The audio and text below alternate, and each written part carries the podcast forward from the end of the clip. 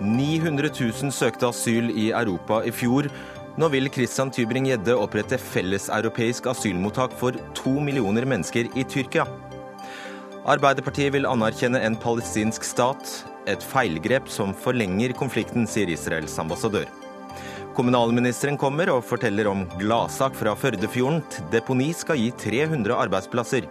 Haken er bare at det bor truede fisker der. Når Arbeiderpartiet sier de vil minske forskjellene, mener de ikke at de faktisk vil minske forskjellene, påpeker professor. Er det egentlig noe norsk parti som har som politikk som kan minske forskjellene? Og bøndene bør få streikerett, hevder professor. Nå får bøndene bestemme seg for om de er statsansatte eller næringsdrivende, svarer Høyre.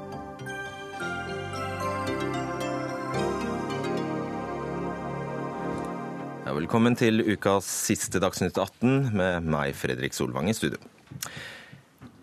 Ingen som kommer til norskegrensa og søker asyl, skal få behandlet søknaden her. Alle som vil søke asyl til Norge, skal plasseres i et gigantisk asylmottak drevet av FN i Tyrkia, med to millioner mennesker. Dette må til for at europeiske land skal kunne bevare kulturell identitet og økonomisk bærekraft. Og det er stortingsrepresentant Christian Tybring-Gjedde som foreslår dette. Tybring-Gjedde, nå er jo Frp i dette studio annenhver dag og skryter av at asylankomsttallene synker, så dette er jo strengt tatt ikke noe problem? Jo, det er et stort problem, ikke bare i Norge, men det er et eh, stort og økende problem over hele Europa. Og eh, siden det er det, så tror jeg det er klokt å ha en felles europeisk eh, asylpolitikk istedenfor i dag, hvor det er ja, drøssevis, kanskje 40 nasjonale ulike asylpolitikker i ulike land. Beskriv dette kjempesvære asylmottaket. Ja, det som jeg foreslår, er at man eh, oppretter ett stort uh, mottakssenter i ett av Europas land, og jeg har foreslått Tyrkia. Der uh, hvor flyktninger, får, flyktninger og asylsøkere får sin asylsøknad behandlet. Og når de har fått behandlet søknaden, så har de da muligheten til å, til å komme til de landene som har eh, sagt at de er villige til å ta imot flyktninger. Istedenfor som det er i dag, hvor, eh, hvor asylsøkere reiser til ulike land og så får de asylsøknaden behandlet i de ulike land. Dvs. Si at vi gjør det 40 ganger istedenfor å gjøre det én gang. Og så kom det altså 10 000 til Norge i fjor om lag. Jeg mistenker at du gjerne vil ha det tallet ned, og at det er noe av motivet ditt? Nei, det er ikke nødvendigvis det som er motivet. Motivet er at vi får én lik behandling av alle asylsøknader i, som, til, som, ønsker å komme til Europa. Det er ikke noe mål å få asyl eh, flyktningtallet ned. Men det som er målet om er å få lykkejegerne, de som ikke er reelle flyktninger, de vil vi helst ikke ha eh, til, til noen land i Europa. De, får, de, må klare seg selv, for de har altså ikke behov for beskyttelse og er dermed ikke flyktninger. Og da skal det være så kjipt i denne leiren at de skremmes fra å ville komme? Nei, overhodet ikke. Det skal være et ordentlig forhold til den leiren. Og det, skal, eh, og det vil jo være flere tusen ansatte der selvfølgelig, som skal, både skal behandles i søknaden og som skal gi dem kost og losji og alt det som de trenger. Det skal være ordentlig skikkelig, og det skal ha beskyttelse fra de landene de har rømt ifra. Men det vi bl.a. også unngår nå, det er alle disse båtflyktningene. Det er ingen vits å ha eh, smuglerfolk noe sted. For at med en gang de kommer til et land i Europa, så vil de da strakt tilbake til det landet hvor asylmottaket ligger, og i dette tilfellet Tyrkia. Liv Tørres, du er generalsekretær i Norsk eh, Folkehjelp. Hvorfor kan ikke FN like gjerne ta ansvaret for felleseuropeisk, altså et felleseuropeisk asylmottak, som Tubring-Gjedde foreslår her? Ja, altså FN, FN gjør jo faktisk mye. Eh, UNHCR som flyktningorganisasjon, den palestinske organisasjonen osv. Og, og har faktisk gjentatte appeller til Norge om å gjøre mer på akkurat dette området. Så det er jo liksom ikke, det er ikke FNs vilje det står på her. Og jeg tviler på at løsningen som Tybring-Gjedde foreslår, vil avhjelpe akkurat på, på, dette området. Dette er, eh, så jeg er glad for at Tybring-Gjedde er opptatt av verdens kriser og bekymret for situasjonen i Midtøsten. Men eh, spesielt og bekymret for at det kommer til å dukke opp flere humanitære kriser. Men dette forslaget er et usedvanlig dårlig forslag. Du har til endog kalt det sinnsvakt? Hva sa du? Du har endog kalt det sinnsvakt? Ja, eh, jeg syns dette er Altså, det er et logistisk mareritt. Du kan tenke deg Altså, Tyrkia har rundt 1,7 eh, millioner registrerte flyktninger i utgangspunktet. Eh, og det er, altså Så har du i tillegg da store mørketall på toppen. Vi snakker om 1,7 er vel omtrent det de har av syriske flyktninger. I tillegg så har de en god del andre. 900 eh, 000 flyktninger kom til Europa i fjor. Det er igjen liksom offisielle tall, store mørketall på toppen. Hvis et sånt mottak i det hele tatt skulle settes opp i Tyrkia, så snakker vi ikke om én til to millioner, vi snakker om tre-fire millioner mennesker. Eh, og, og, så skal vi da frakte alle de som da er i Europa, ned dit. Ha med deg også at uh, Tyrkia anerkjenner ikke UNHCRs rolle her i utgangspunktet, så de, de vil ikke ha FN inn til å drifte okay, mottak. Det ante meg at du hadde en del innsigelser, men ja. Eh, Tybring-Gjedde, har, har, du spurt Tyrkia? Nei, Jeg er overbevist om at Tyrkia ville tatt det med begge armer. Det er vel i hvert fall det som får mulighet til å få en sånn stor FN-institusjon. Det er ganske stor kamp om FN-institusjoner rundt om i verden, og det vet jeg ganske mye om. Eh, og jeg er helt overbevist at, åpenbart at Tyrkia ville hatt det. Dette vil jo selvfølgelig skape titusenvis av arbeidsplasser for Tyrkia. Altså, det er jo folk med god utdannelse som vil komme der, og vil komme fra hele Europa for å jobbe i disse institusjonene. Og det er, Jeg skjønner ikke hvorfor man helst skal, skal finne problemer istedenfor å finne løsninger. og Jeg, jeg syns det er trist å høre det, det, som blir sagt her nå. for det, for det man kommer ikke med motargumenter, man kommer bare med, med utsagn.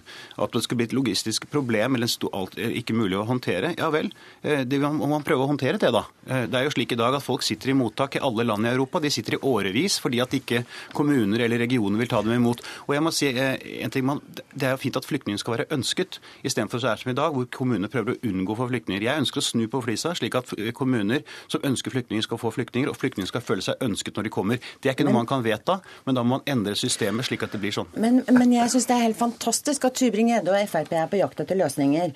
Men dette er feil løsning. Altså, du har ikke altså, argumentert imot det. Må først finne noe Nei, du må finne jo, noe men nei. altså, hvis vi går tre skritt tilbake, eh, så har vi altså en situasjon med mange millioner syriske flyktninger, f.eks., på, ja. på, på flukt.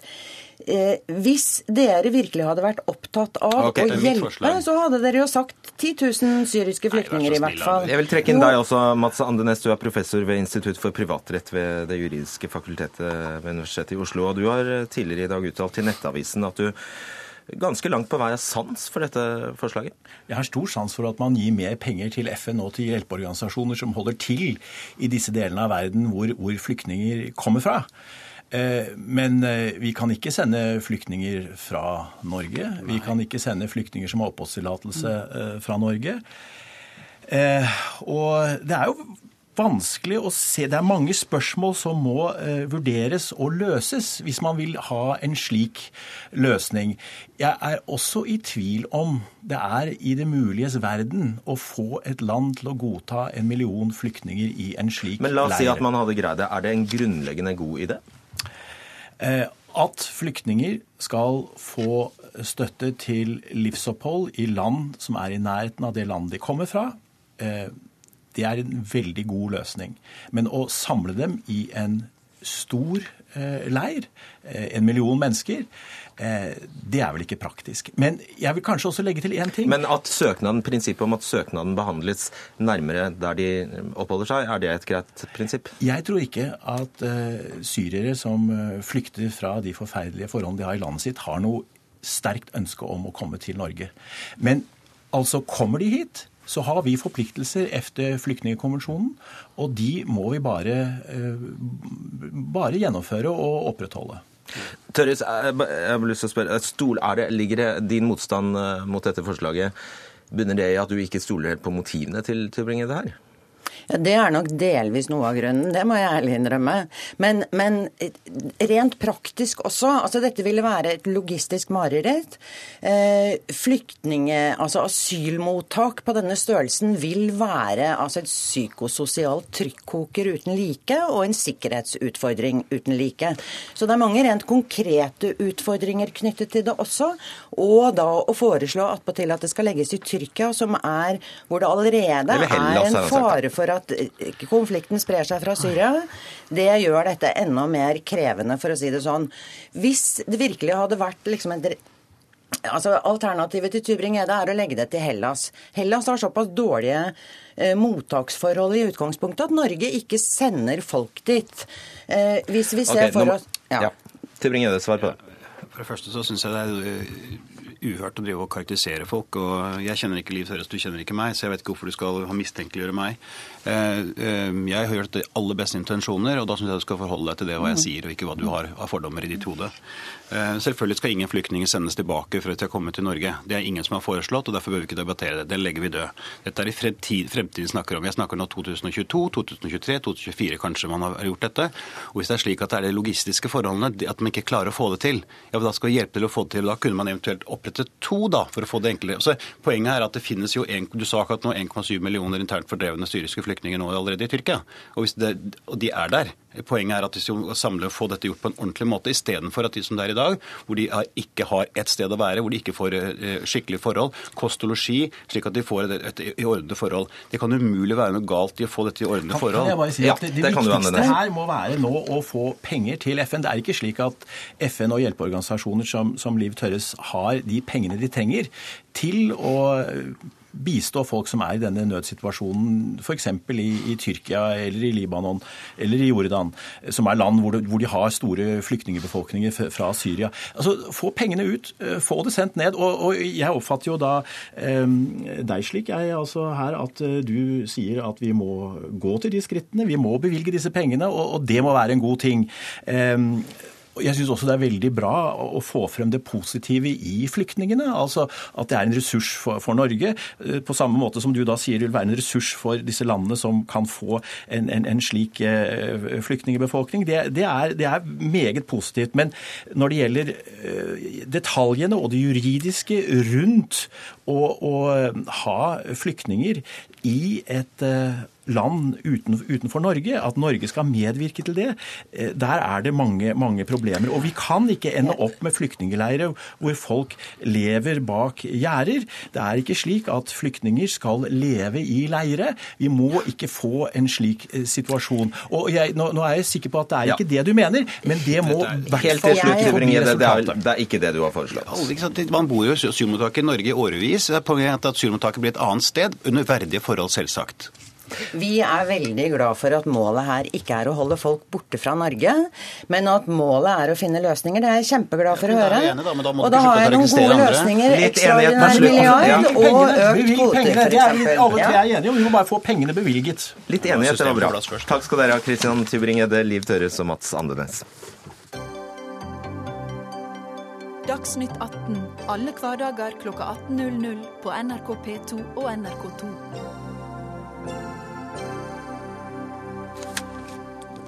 Hvis eh, vi får regjeringsansvar, åpner vi for en anerkjennelse av en palestinsk stat. Ja, det sa Arbeiderpartiets leder Jonas Gahr Støre under den første dagen av partiets landsmøte. Og brøt dermed med det Arbeiderpartiet har sagt til nå, nemlig at en fredsavtale mellom Palestina og Israel må være på plass før man anerkjenner en palestinsk eh, stat. Raf, uh, Raphael Schutz, you're the Israeli ambassador to Norway. And you've warned the uh, Norwegian Labour Party against recognizing a Palestinian state. Why? Well, I didn't, didn't uh, initiate a, a, warning. I just expressed uh, the Israeli perspective. Uh, we believe that uh, recognizing a, Palestinian state without negotiation is uh, premature, and as a matter of fact, it is a recipe for continuing the freeze in the situation right now because it uh, it doesn't give any incentive uh, to the Palestinians to go back to the negotiation table. I mean, if they see that they can get what they want outside the table, why should they come into the room? Ok, Ambassadøren sier altså at en anerkjennelse av Palestina bare vil låse fast situasjonen ytterligere og ikke gi palestinerne noe insentiv til å gå videre i fredsprosessen. Uh, so what's your reaction then to, uh, to this move by the, uh, the Labour Party? Well, uh, if I, if I get uh, the decision uh, right, then uh, and uh, maybe Annika here can uh, correct me if I'm wrong. it says that it gives the negotiation two more years, and then by the year of 2017, if there is no change, then there will be a recognition of Palestine as a state. My my comment is that this is the recipe it's like saying to the Palestinians, abstain from doing anything for two more years and then you will get your state. Ambassadøren sier at uh, hvis dette vedtaket fattes på, uh, eller dette forslaget blir vedtatt på Arbeiderpartiets landsmøte, så er det en oppskrift for palestinerne til ikke å foreta seg noe som helst i løpet av to år, fordi det er satt en uh, frist til 2017. Um, and why do you, at this stage, believe that recognizing Palestine, a Palestinian state, would prolong the conflict? again, I believe that uh, in this conflict there are a lot of elements. Uh, the Palestinian state is one of them. Others have to meet uh, Israeli concerns, fears, as a democratic uh, non-Muslim country in a, in a region that is highly problematic. Uh, unless all the elements are discussed within one package, within the negotiation, there will be no solution. And addressing only one element, which is the Palestinian state, I believe uh, reflects a partial, uh, simplistic approach that is not conducive mm. with bringing the solution. And if Norway's parliament recognized a Palestinian state, what would be the consequences for Norway's role in the Middle East? Well, Norway always uh, had a special role ever since uh, the days of, uh, of uh, Oslo, Oslo 20, 21 years ago.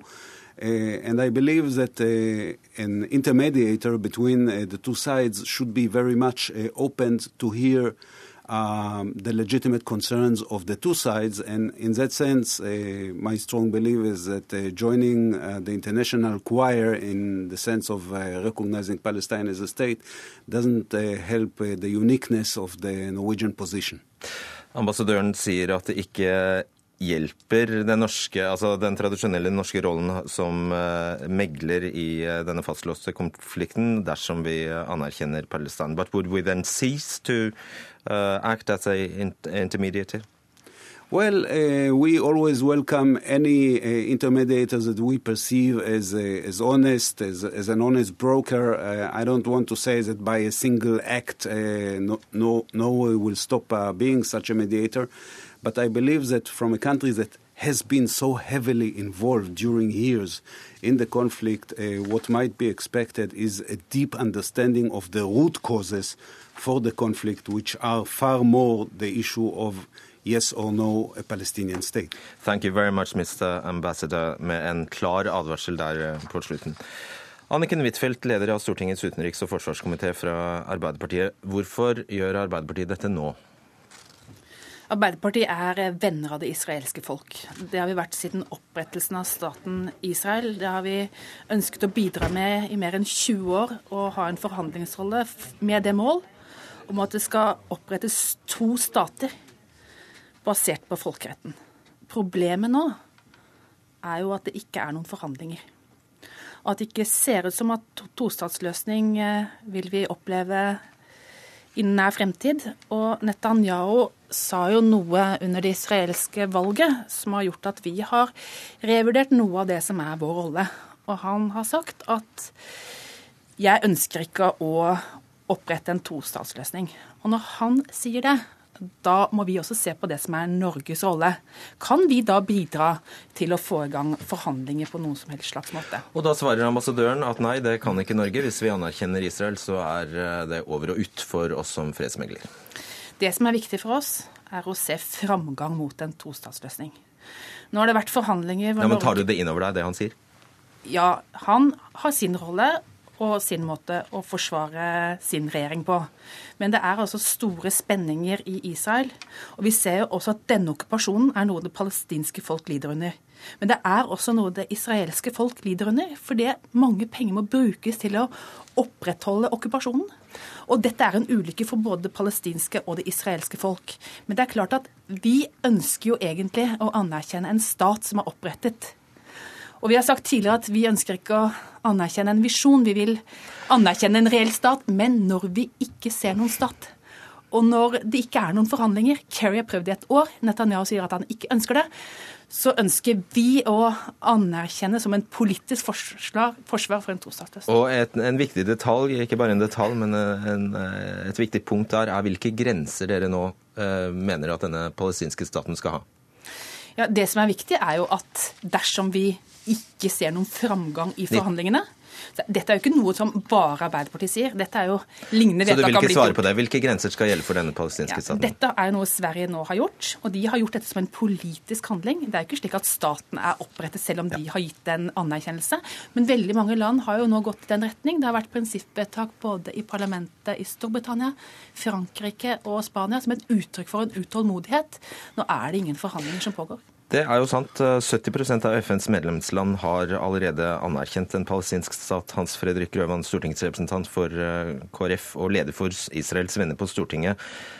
Men jeg tipper du ikke syns noe særlig om dette vedtaket som kommer på landsmøtet til Arbeiderpartiet? Nei, jeg må si jeg var veldig overraska over at de valgte et brudd med norsk utenrikspolitisk linje gjennom mange år. Eh, også et brudd med Arbeiderpartiets eh, egen politikk. Eh, jeg er også veldig overraska over at en her eh, ikke har tatt med overhodet det helt grunnleggende kravet som en må ha i forhold til fredsforhandlinger, nemlig eh, at Israel også må godkjennes som egen stat fra de palestinske myndigheters side. Vi opplever her Fra Hamas? Fra Hamas spesielt. De har jo fortsatt ikke lagt dette inn i sitt charter. Og vi opplever at her er det mangel forståelse for noen grunnleggende forutsetninger for å skape fred i dette området. Og Det overrasker meg veldig at Arbeiderpartiet velger å gå på en sånn linje. I tillegg så vil jeg også si at det er noen juridiske eh, begrunnelser for eh, når en kan opprette en stat. Eh, og permanent befolkning, dette at de skulle kunne håndtere traktater i forhold til andre land. Ingen av disse juridiske vilkårene er heller på plass. Og hvordan kan en da gå til det skrittet og nærmest forhåndsgodkjenne uten en fredsforhandlingssituasjon? Hvorfor skal Norge anerkjenne en palestinsk stat når Hamas ikke fortsatt til å anerkjenne Israel? Vi ønsker en fredsavtale med gjensidig anerkjennelse på begge sider. Problemet som vi ser nå på bakken i Palestina, er at selv moderate krefter Det blir ingen framgang. På Vestbredden så gir det ikke resultater, eh, forhandlingene. Eh, bosettingene fortsetter. Blokaden av Gaza fortsetter. Så det er ingen horisont hvor palestinerne kan se at nå er det en stat som vi ser kommer til å bli opprettet. Og det er det som er problemet i en region hvor vi har et demokrati, Israel, og vi ser at ekstremismer får større oppslutning, så er det galt å gi ekstremistene ingen håp. For det gjør at ekstremister får større oppslutning. Og jeg ønsker å støtte det som er demokratiske krefter på palestinsk side. Jeg er bekymret for at de ikke gis noen ting ved å opptre moderat. Grøvan, du sier at dette er støtte til en idé. Er du eh, nysgjerrig på hvilke grenser er Arbeiderpartiet mener denne palestinske staten skal få? Ja, det er jo absolutt et veldig interessant spørsmål, og et veldig vesentlig spørsmål. Men jeg syns også det er viktig her å vite hva en gjør. Norge har en sentral rolle som leder for giverlandsgruppa. Det å kunne gå til en sånn ensidig godkjennelse uten forhandlinger, eh, det er jo med å bidra bidra til å ikke skape tillit fra begge sider. Norges rolle er avhengig av at en har tillit både fra palestinsk og israelsk side. Vi vet hvordan israelerne reagerer på dette her. Vi vet at dette blir et signal til Hamas, eh, som fortsatt eh, regjerer eh, over halvparten av palestinske befolkningen. Vi kan fortsette som før er veldig undrende til at Arbeiderpartiet virkelig vil gå for en sånn linje. Samtidig så er jeg jo også enig med Anniken Huitfeldt i at det er viktig å oppfordre de mest demokratiske innstilte grupperingene eh, til å ta det neste skritt. Men vi ser at vi får et stort, vanskelig spørsmål. Hvem skal Israel forhandle med når vi har MAS som en terrororganisasjon på den ene sida? Eh, og PLO på den andre. Anniken Huitfeldt, svar på et enkelt spørsmål. Skal Israel være en jødisk stat? Ja, det er jo nå i realiteten slik at uh, i dag er det en enstatsrealitet. Vi ønsker en tostatsløsning, men sånn som det er i dag, så er det en enstatsrealitet med to ulike uh, rettigheter for de to ulike folkene som lever innenfor denne staten. Det er det som er det folkerettslige problemet her. Og det er en folkerettsstridig okkupasjon mange har jo snakket om at nå må vi se på dette som én stat. Eh, og da må vi behandle det som det. Men jeg er for at vi skal fortsatt jobbe for en tostatsløsning. Men problemet for moderate palestinere de ser ingen vei dit nå. Grøvan, hva er ditt svar på spørsmålet? Israel er en eh, sekulær, eh, pluralistisk stat som skal være en stat for jøder. men det skal også være plass til andre grupper i dette landet, sånn som det er i dag. Vi så ved det valget som nettopp var, der de hadde demokratiske rettigheter, de fikk økt oppslutning. Det er demokratisk, en, en, demokratisk nasjon. Den er det eneste demokratiet i Israel. Vi må ikke I Midtøsten, mener du? I Midtøsten. Vi må ikke rigge en situasjon som gjør at vi undergraver det eneste demokratiet vi har i denne regionen. Så får vi se hva landsmøtet bestemmer seg for. Takk skal dere ha, Anniken Huitfeldt og Hans Fredrik Grøvan.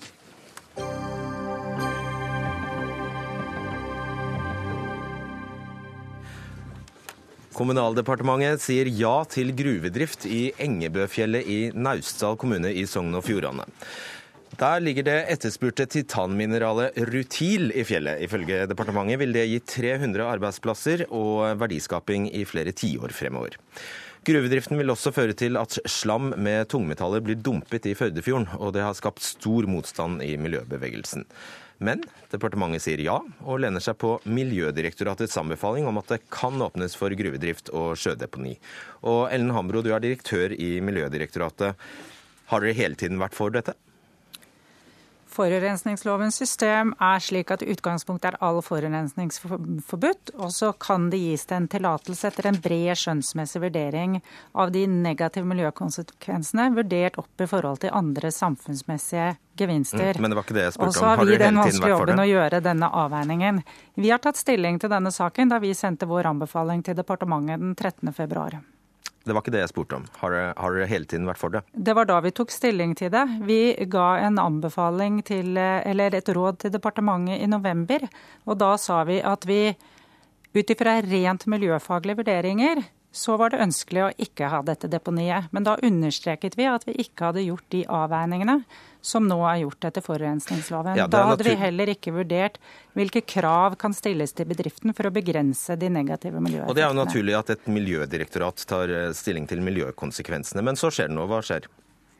Nei, Vår jobb er som sagt å gjøre disse vanskelige avveiningene etter forurensningsloven. Veie de negative miljøeffektene, komme med forslag til strenge vilkår. Gjorde dere det på eget initiativ, eller fikk dere beskjed om å gjøre en sånn avveining? Den avveiningen følger av forurensningslovens system. All industrivirksomhet må ha en tillatelse for å eksistere i Norge, for i utgangspunktet er forurensning forbudt. Og så er det vår jobb å gjøre den vanskelige avveiningen. Jeg kjenner glatt at det er en vanskelig jobb. Eh, det er, det er, vanskelig for et miljødirektorat å gi en anbefaling om noe som fører til negative miljøkonsekvenser, men vi mener at med de strenge vilkårene vi har anbefalt, så er det liten sannsynlighet for negative konsekvenser i fjordsystemet utover selve deponiet. På Hvorfor den andre siden ja. er det sysselsetting og verdiskapning. Ja. Så hva, hva, hva bidro til at dere falt ned på denne konklusjonen? Nei, De eh, strenge vilkårene vi foreslår, det er de strengeste vilkår som har vært stilt til denne typen virksomhet noensinne. Og ut ifra den skjønnsmessige vurderingen vi er satt til å gjøre etter forurensningsloven, så er det vår vurdering at dette er forsvarlig å gjøre. Vi ville aldri anbefalt det hvis ikke vi mente at dette var innenfor forsvarlighetsbegrepet i forurensningsloven. Mm. Og Om dette sjødeponiet så skriver dere det som lever på sjøbunnen i deponiet vil gå tapt i de årene deponering skal pågå. Og jeg siterer videre. Det er sannsynlig at det planlagte deponiområdet i Førdefjorden er et gyte-, oppvekst- og fødeområde for blålange og pigghå, altså to fiskearter. Og disse artene er kategorisert som sterkt og kritisk truet. Og ingenting av dette fikk deg altså til å sette bremsene på? Jo, eh, det er klart at eh, det er en negativ effekt for disse artene at eh, deponiet blir beslaglagt for dem som gyter oppvekstområdet. Dette deponiet utgjør tre kvadratkilometer. Disse to artene lever langs hele kysten vår og i hele Nordøst-Atlanteren.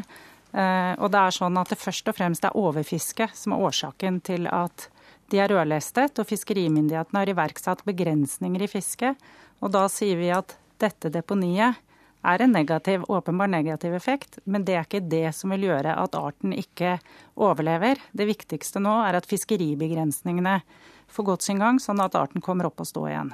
Takk skal du ha, Ellen Hamro, direktør i Miljødirektoratet. Kommunalminister eh, Jan Tore Sanner, 300 nye arbeidsplasser i Sogn og Fjordane. Hvordan er denne nyheten blitt mottatt? Den har fått eh, god mottagelse, og så er det selvsagt eh, noen som også er, er imot. Eh, vi skal huske på at her har det vært en årelang debatt. Eh, og jeg mener det har vært riktig av regjeringen å vente. Vi har fått gode faglige vurderinger. Vi har fått undersøkelser på, på bordet som gjør at vi føler oss veldig trygge på at her er det ikke et enten-eller, men det er et både-og. Vi stiller de strengeste miljøkravene som er stilt til, til sjødeponi for gruvevirksomhet. Og vi legger nå til rette for et nytt industrieventyr i Sogn og Fjordane. Hva med fiskene? Det er slik Miljødirektoratet har, har vært, vært, veldig tydelig på, at eh, dette deponiet det vil ikke true disse artene, men det vil ta litt lengre tid før man når bestandsmålene.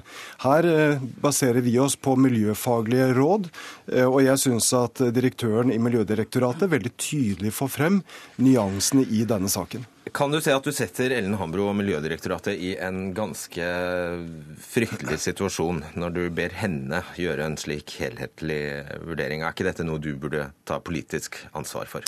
Nei, vi har overhodet ikke satt Miljødirektoratet i noen vanskelig situasjon. De har gjort jobben sin. De skal gi de miljøfaglige rådene. Men hun var jo imot? De skal gi de miljøfaglige rådene, og som hun sier, at, eh, at 13.2 så tok de stilling til dette prosjektet. Og da har de sagt at utslippstillatelse kan, kan gis. Norge har lang erfaring med, med, sjødeponi, og i denne saken så har man også vurdert eh, om landdeponi er noe bedre enn sjødeponi. Det er det ikke.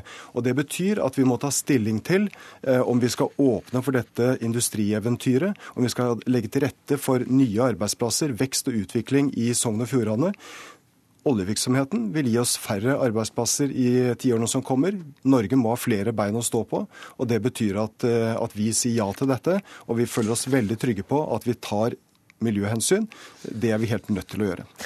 Du Rasmus Hansson, stortingsrepresentant for Miljøpartiet De Grønne. Du syns synd på Ellen Hambro og Miljødirektoratet? Den som burde sittet i dette studio, er jo den som har gitt tillatelsen. Eh, og det er eh, miljøminister Sundtoft. Og det er temmelig oppsiktsvekkende eh, at hun dytter en byråkrat foran seg, istedenfor å ta inn over seg at her er det gjort en vurdering hvor forventningen om, eller håpet om arbeidsplasser og en gruvevirksomhet skyver miljøhensyn til side. For Hvis man ser på begrunnelsen fra Miljødirektoratet, så er alle negative eh, hensyn eller eh, effekter som listes opp, det er miljøeffekter. Og alle positive eh, effekter som Miljødirektoratet er da pålagt å liste opp, det er arbeidsplasser osv., som med all mulig respekt for det utmerkede Miljødirektoratet Sanner, svar på det. Eh, det har ikke de greie på. Det er de pålagt å, å vurdere. Og dette ansvaret burde miljøvernministeren stå fram og ta. Ja, og Rasmus Hansson, det gjør hun. Hun har vært i mange eh, offentlige sammenhenger i, eh, i dag. Det er slik at det er eh, jeg og mitt departement som godkjenner reguleringsplanen. Og så er det ikke dere som gir utslippstillatelsen? Vent, litt nå. Og så er det Miljødepartementet som gir utslippstillatelsen. Og så er det engang slik at all aktivitet, det har noen konsekvenser. Vindmøller har konsekvenser. Olje- og gassvirksomhet har konsekvenser. Så må vi sørge for at vi stiller krav som gjør at vi reduserer de negative konsekvensene, og det har vi gjort. I tillegg til at det er stilt strenge krav i utslippstillatelsen, så har vi også fått på plass et miljøovervåkingsprogram. Og hvorfor er det viktig? Jo, for da kan vi hele tiden kontrollere om eh, gruvevirksomheten om de forholder seg til de kravene som er stilt. Eh, det skal dokumenteres, og det er myndighetene som skal kontrollere. Det skal Miljødirektoratet gjøre, det skal Mattilsynet gjøre. og Det betyr at vi kan være helt trygge på at dette er innenfor de rammene som myndighetene har satt. Lars Haltbrekken, du er leder i Norges naturvernforbund. og eh, Forutsigbart nok er jo du imot dette, veldig også. Hva tror du at du hadde ment dersom du måtte faktisk veie hensynene slik Sanner må? Da hadde vi også vært imot dette, fordi at dette er eh, den største forurensningsskandalen på svært lang tid i Norge. Det er enorme mengder avfall som man skal bruke Førdefjorden som søppelplass for eh, gruveindustrien. Og det som har skjedd, er jo at Miljødirektoratet i fjor høst klart advart uh, mot dette. De sa sågar at man ikke kan bøte på skadene ved hjelp Prøv å snakke om strenge saken, vilkår. og ikke, ikke, ikke blande inn direktoratet mer nå, Jo, men snakk om jo, saken. for at det er én ting som har skjedd her, og som det er viktig å dra en sammenligning med. Det som har skjedd i Miljødirektoratet, er jo å sammenligne med at Helsedirektoratet planlegger en kjempekampanje mot røyking, men så finner de ut at nei, vi må ta litt hensyn til tobakksindustrien, for de sysselsetter eh, såpass mange. Det er jo det Miljødirektoratet har gjort her. men Helsedirektoratet ville jo aldri i verden ha skrinlagt en sånn kampanje pga. hensynet til tobakksindustrien. Men det som kan skje i denne saken, er jo at man tar livet eh, på bunnen av eh, Førdefjorden. Man står i fare for å utrydde fiskeslag eh, fra eh, Førdefjorden.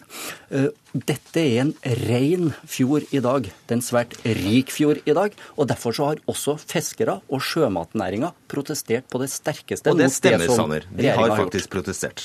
Ja da, de har protestert. Eh, Og jeg har stor respekt for de ulike synspunktene som er kommet frem i denne diskusjonen. Det er også grunnen til at eh, vi har brukt såpass lang tid. Den forrige regjeringen brukte tid på denne saken. De satte i gang nye utredninger. I dag så mener jeg at det var fornuftig at man gjorde det. Nå har vi kommet til det punktet at vi måtte ta en beslutning. Det er ingen prosjekter som har vært bedre utredet enn dette, og derfor stiller vi de strengeste krav. Men jeg må få lov til å si at når det gjelder påstanden om at dette vil ha dramatiske konsekvenser for disse fiskeartene, Skandale.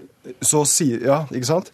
så sier faktisk Miljødirektoratet at det er liten sannsynlighet for at tiltak vil innebære at forvaltningsmålene for blålange, pigghå, kysttorsk og ål ikke nås. Det Og det, ikke og, det, det. og, Det var og det Miljødirektoratet nå også sa, det er at det vil ta noe lengre tid før man når bestandsmålene, men vi føler oss helt trygge på at eh, her har vi rammet det godt inn. Det var av hensynet til fisken og den rike, rene fjorden at Fiskeridirektoratet i sin tid leverte innsigelse og sa at dette prosjektet ikke burde gjennomføres. Havforskningsinstituttet har gjennomført masse undersøkelser av Førdefjorden, og de har i en årrekke advart mot dette tiltaket og sagt at dette er den største forurensningssaken vi har å gjøre med i vår tid. Og regjeringa går med viten og vilje inn og tillate dette. Hensynet til norsk natur og miljø betyr åpenbart Ja, Det er, ikke, det er ikke spesielt troverdig når den største Det skandalen Det Havforskningsinstituttet sier det de sier, ikke er troverdig. Jo, det sa, Var det ikke iskanten er- som var det? Ja, ja, ikke sant? Eh, Det var det jeg sa. Dette det er er den ikke, største forurensningssaken i Norge på men det er ikke svært spes- lang det tid. er ikke spesielt det er enorme troverdig. mengder masse som kommer. Ja, ok, men eh, Rasmus Hansson, altså det, det at du er imot dette, er ikke det et ganske klassisk eksempel på at dere er et ensaksparti? Dere er ikke noe parti som tar, tar slike eh, tungtveiende, eh, gjør slike tungtveiende avveininger som Sanner her måtte gjøre? Eh, Det er et eksempel på det stikk motsatte. Akkurat nå eh, snakker også Høyre om det grønne skiftet. Hva er Høyres oppskrift på det grønne skiftet? Jo, det er altså å grave høl i et fjell og dumpe avfallet i en eh, frisk og ren fjord. Det er ikke et grønt skifte. Det å skifte ut oljearbeidsplasser på den måten, det er altså det dummeste og galeste man kan gjøre hvis det vi skal inn i er en framtid hvor næringslivet vårt er bærekraftig. Det vi må leve av, er ting som ikke ødelegger omgivelsene våre. Og det regjeringen snart må skjønne, det er at dere kan ikke bortforklare en hvilken som helst sak med at jammen ting må ha naturkostnader. Forholdet er det motsatte. Vi må nå begynne å satse på de næringene som ikke er basert på å ødelegge miljø og klima. Og dette var en sjanse for regjeringen til å vise altså, hva det grønne skiftet Ja. består av. Dette er Høyres versjon. Miljøpartiet De Grønnes versjon er bærekraftig næringsvirksomhet, og det må vi investere nå. For nå skal vi nå. leve av rutil, Sanner. Det er eh, en av de tingene vi skal eh, produsere, eh, og det er et viktig råstoff. Fargepigment som kan brukes eh, i alt fra, fra maling til tannpasta. Men også, men også, men også, et, også et viktig eh, råstoff for fly. For, eh, for biler, eh, for romfart. Dette er noe som er, er etterspurt, og vi må ruste Norge for fremtiden. Vi må ha flere bein å stå på. Jeg er glad for at vi nå både får til en løsning som tar hensyn til miljø- og fiskeriinteressene, samtidig som vi skaper vekst og utvikling i Sogn og Og Fjordane. jeg vet selvfølgelig dere vil svare på det, men det får dere ikke. Jan Tore Sanner, Rasmus Hansson og Lars Haltbrekken, takk.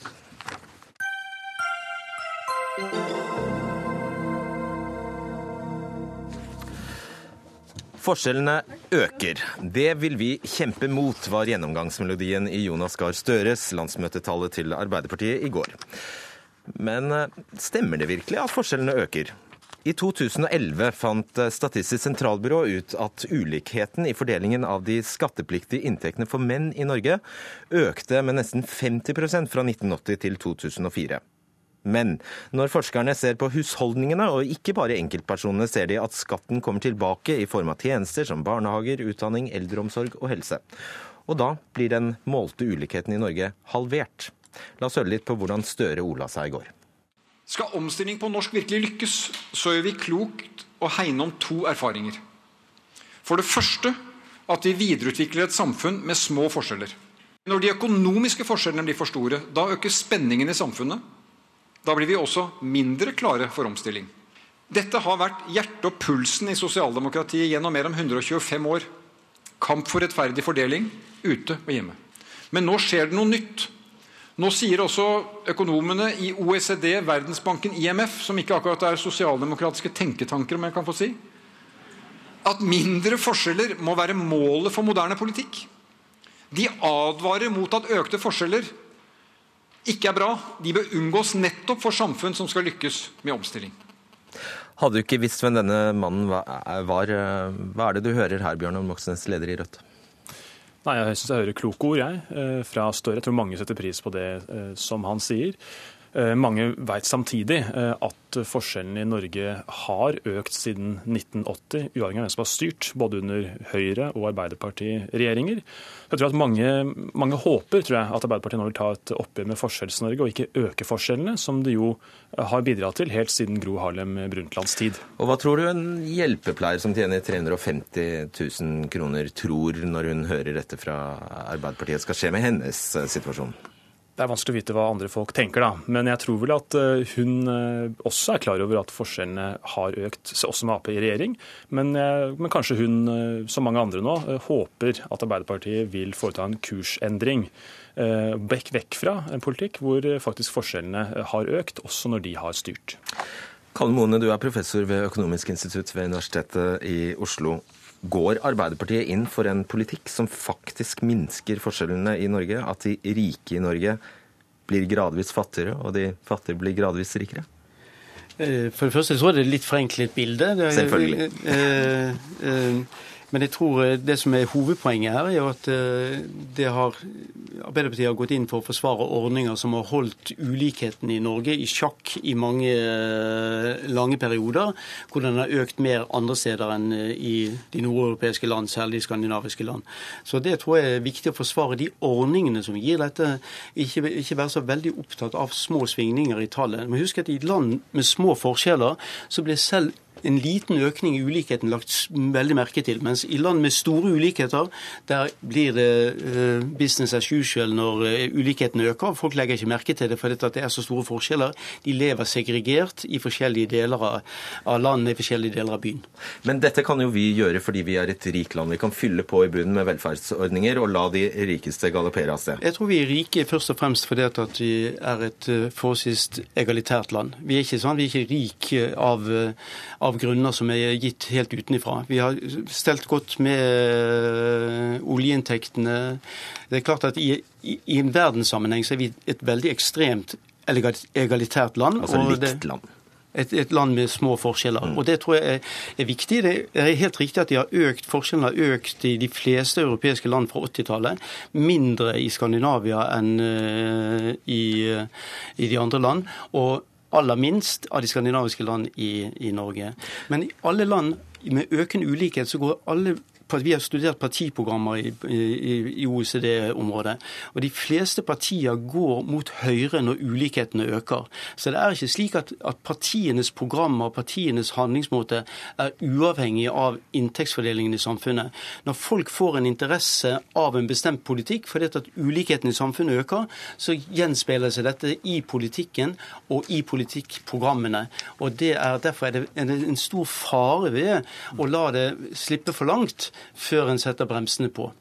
Men det er altså Arbeiderpartiets politikk, sier du, å sette bremsene på. Det er, det, Det er- det er slik Arbeiderpartiet de minsker forskjellene. små, Det som gir små forskjeller i Norge, det er kollektive lønnsforhandlinger, stor velferdsstat og kombinasjonen av de to tingene. Det er det som har har gitt eh, Og samtidig som man har hatt en konkurranseorientering mot verdensøkonomien som disiplinerer hele greien. Og da lurer jeg på, eh, Marte Gerhardsen, leder i Tankesmien Agenda. Da er den store forskjellen på Høyre og Arbeiderpartiet hva for noe? For da er det at Arbeiderpartiet vil sette på litt flere bremser enn Høyre, eller hva? Det jeg tenker I den talen til Jonas Gahr Støre som vi nettopp fikk referert, så er det to grunner til at man snakker som man gjør.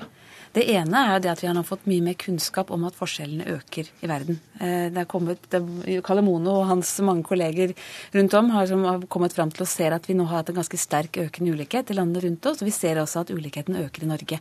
Så det gjør at dette er kommet høyere på agendaen enn det det har vært før. Og så er det en annen grunn, og det er at vi nå for første gang i Norge har en veldig blå-blå regjering. Eh, Frp er i regjering for første gang. Eh, De gikk altså inn i valgkampen og sa at den norske modellen står i veien for det norske folk.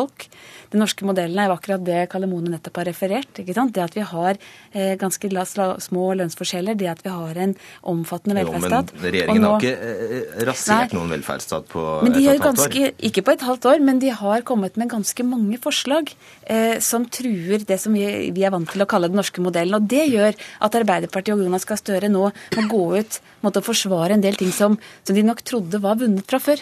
Det er trygghet i arbeidslivet, fordelingspolitikk, og det gjør at det er grunnen til at eh, Arbeiderpartiets leder snakker på den måten. Eller Bjørnar Moxnes, kan det være at de har eh, interesse av å overdrive for å sanke stemmer? I hvert fall vet vi at eh, i befolkningen er det en stor majoritet eh, som år etter år sier de ønsker mindre forskjeller i Norge. Og Her er det et kjempesprik mellom befolkningas standpunkt og hva eh, politikereliten på tvers av Arbeiderpartiet og Høyre faktisk står for. Den viktigste forskjellsskapende vedtaket som har blitt gjort i Norge de siste 30 årene, det var nettopp skattereformen i 92. Og det var jo Gro Harlem Brundtlands reform, hvor de fjerna skatten på utbytte eh, for eh, eierne.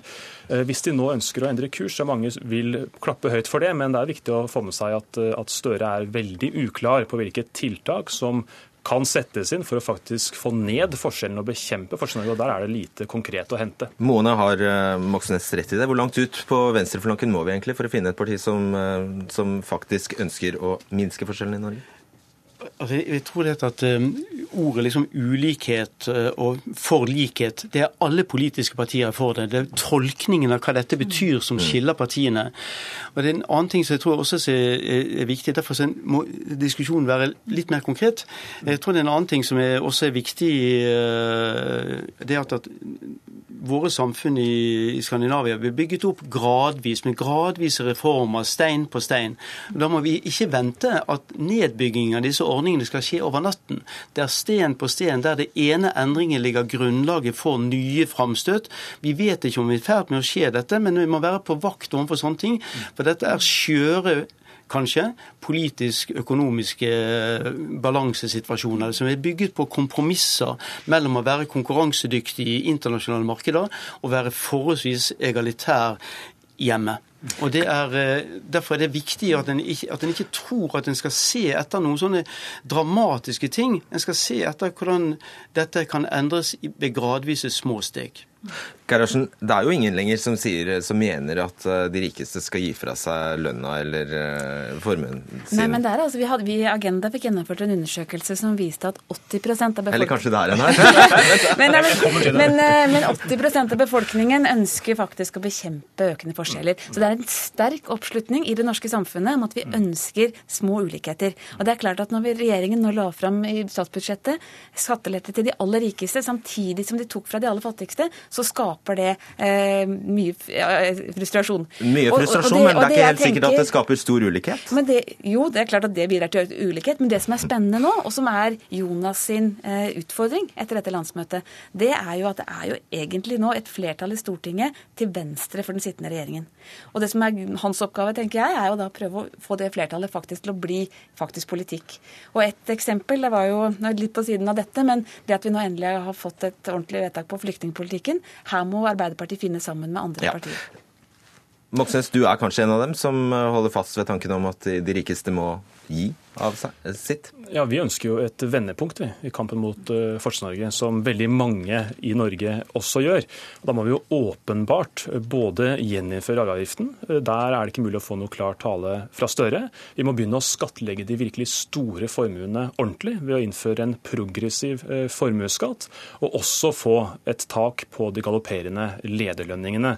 Da får vi konkret handling mot forskjellene, og ikke bare luftig prat. For det er helt sant som Mone sier alle partier sier de er mot Forskjells-Norge. Det er ikke der forskjellen ligger. Den ligger i manglende politisk vilje til handling for å redusere klasseskillene. Du får avslutte, Moen. Det er jo en eh, sannhet i det at Arbeiderpartiet ikke engang vil gjeninnføre arveavgiften. Sier ikke det en del? Ja, det, det, sier eh, noe, men en kan jo diskutere dette opp mot andre tiltak. Jeg skal, hvis jeg skal si noen ting som er mer radikalt eh, Jeg syns det er litt sånn mangel på nye innspill i debatten. Det er jo veldig rart at en har lønnsmoderasjon år etter år etter år uten at en får noen som helst eh, gevinst ut av det i form av eierrettigheter til de ansatte som, som går med på lønnsmoderasjon og ligger forholdene til rette for store overskudd i, i bedriftene. Jeg tror at dette kommer til å komme. Det er det som har vist seg med forskjellsverden med, i, i, økonomi etter økonomi, at det kommer ordninger en, der en ber om kompensasjon for moderasjon, og det vil være i form av eierandeler til de ansatte. Ikke som i den svenske lønntakerfondmodellen, men med små lokale ordninger på de enkelte stedene. Og det kommer helt sikkert. Det var radikalt. Takk, Kalle Moene, Bjørnar Moxnes og Marte Garasjen. Hør Dagsnytt 18 når du vil. Radio NRK Radio.nrk.no.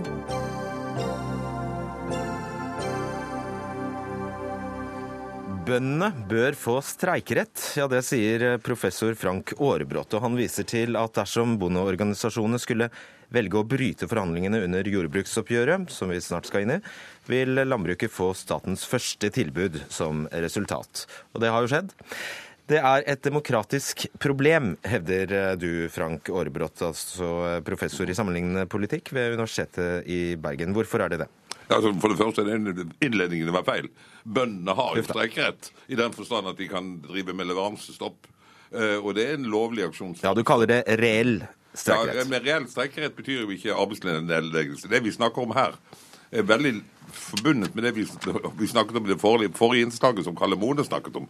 Nemlig dette at du har dette forhandlingssystemet der Stortinget, selv om de har all makt, trekker seg tilbake fra de store forhandlingene og overlater til partene i arbeidslivet å komme frem til det. Det gjør det mulig å ha moderate lønnsoppgjør, det gjør det mulig å bekjempe ulikhet osv.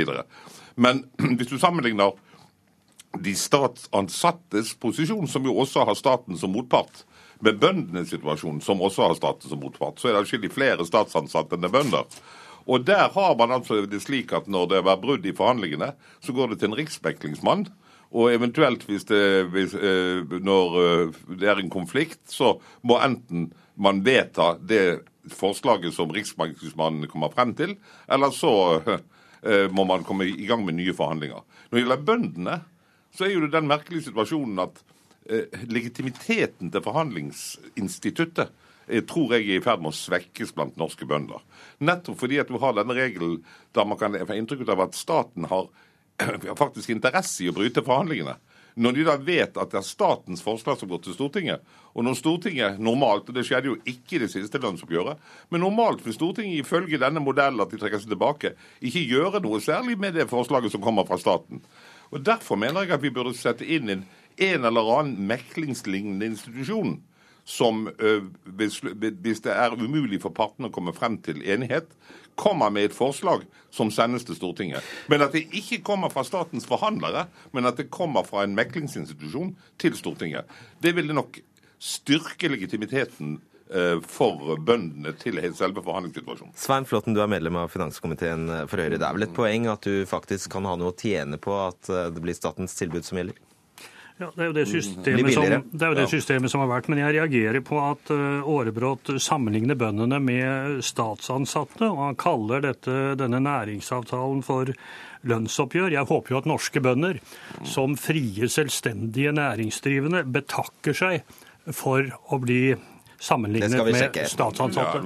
I tillegg, hvis jeg får lov, Aarebrot, i tillegg så er det ikke noe demokratisk underskudd i dette. Det som ville vært et demokratisk underskudd, det ville vært hvis Stortinget ga fra seg sin myndighet i å bevilge budsjettmidler, for vi snakker om budsjettmidler i denne næringsavtalen.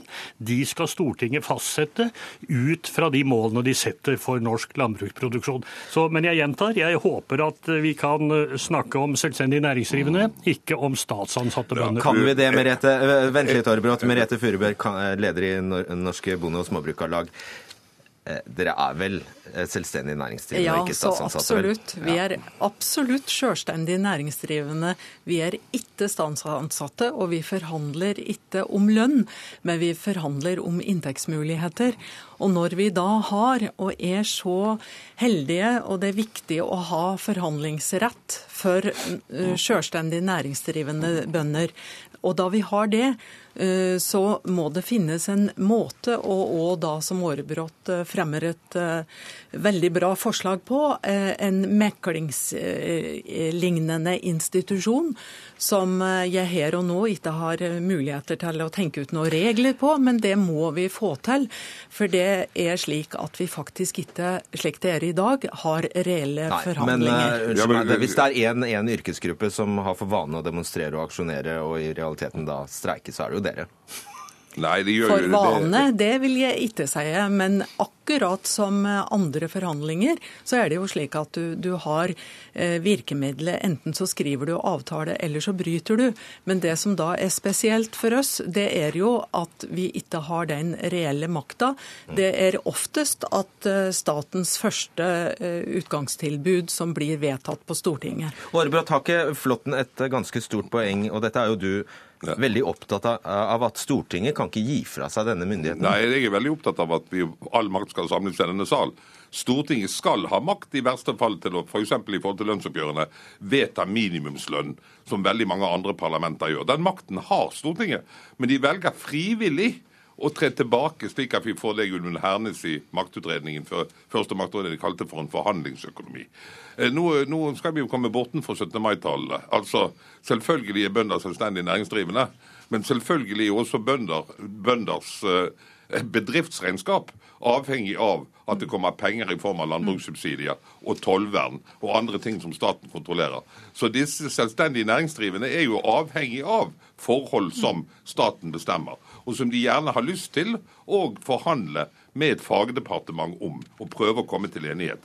Men når dette fagdepartementet og bøndene ikke kan komme til enighet, så mener jeg det egentlig er parallelt med at det har også budsjettmessige konsekvenser, Flåten.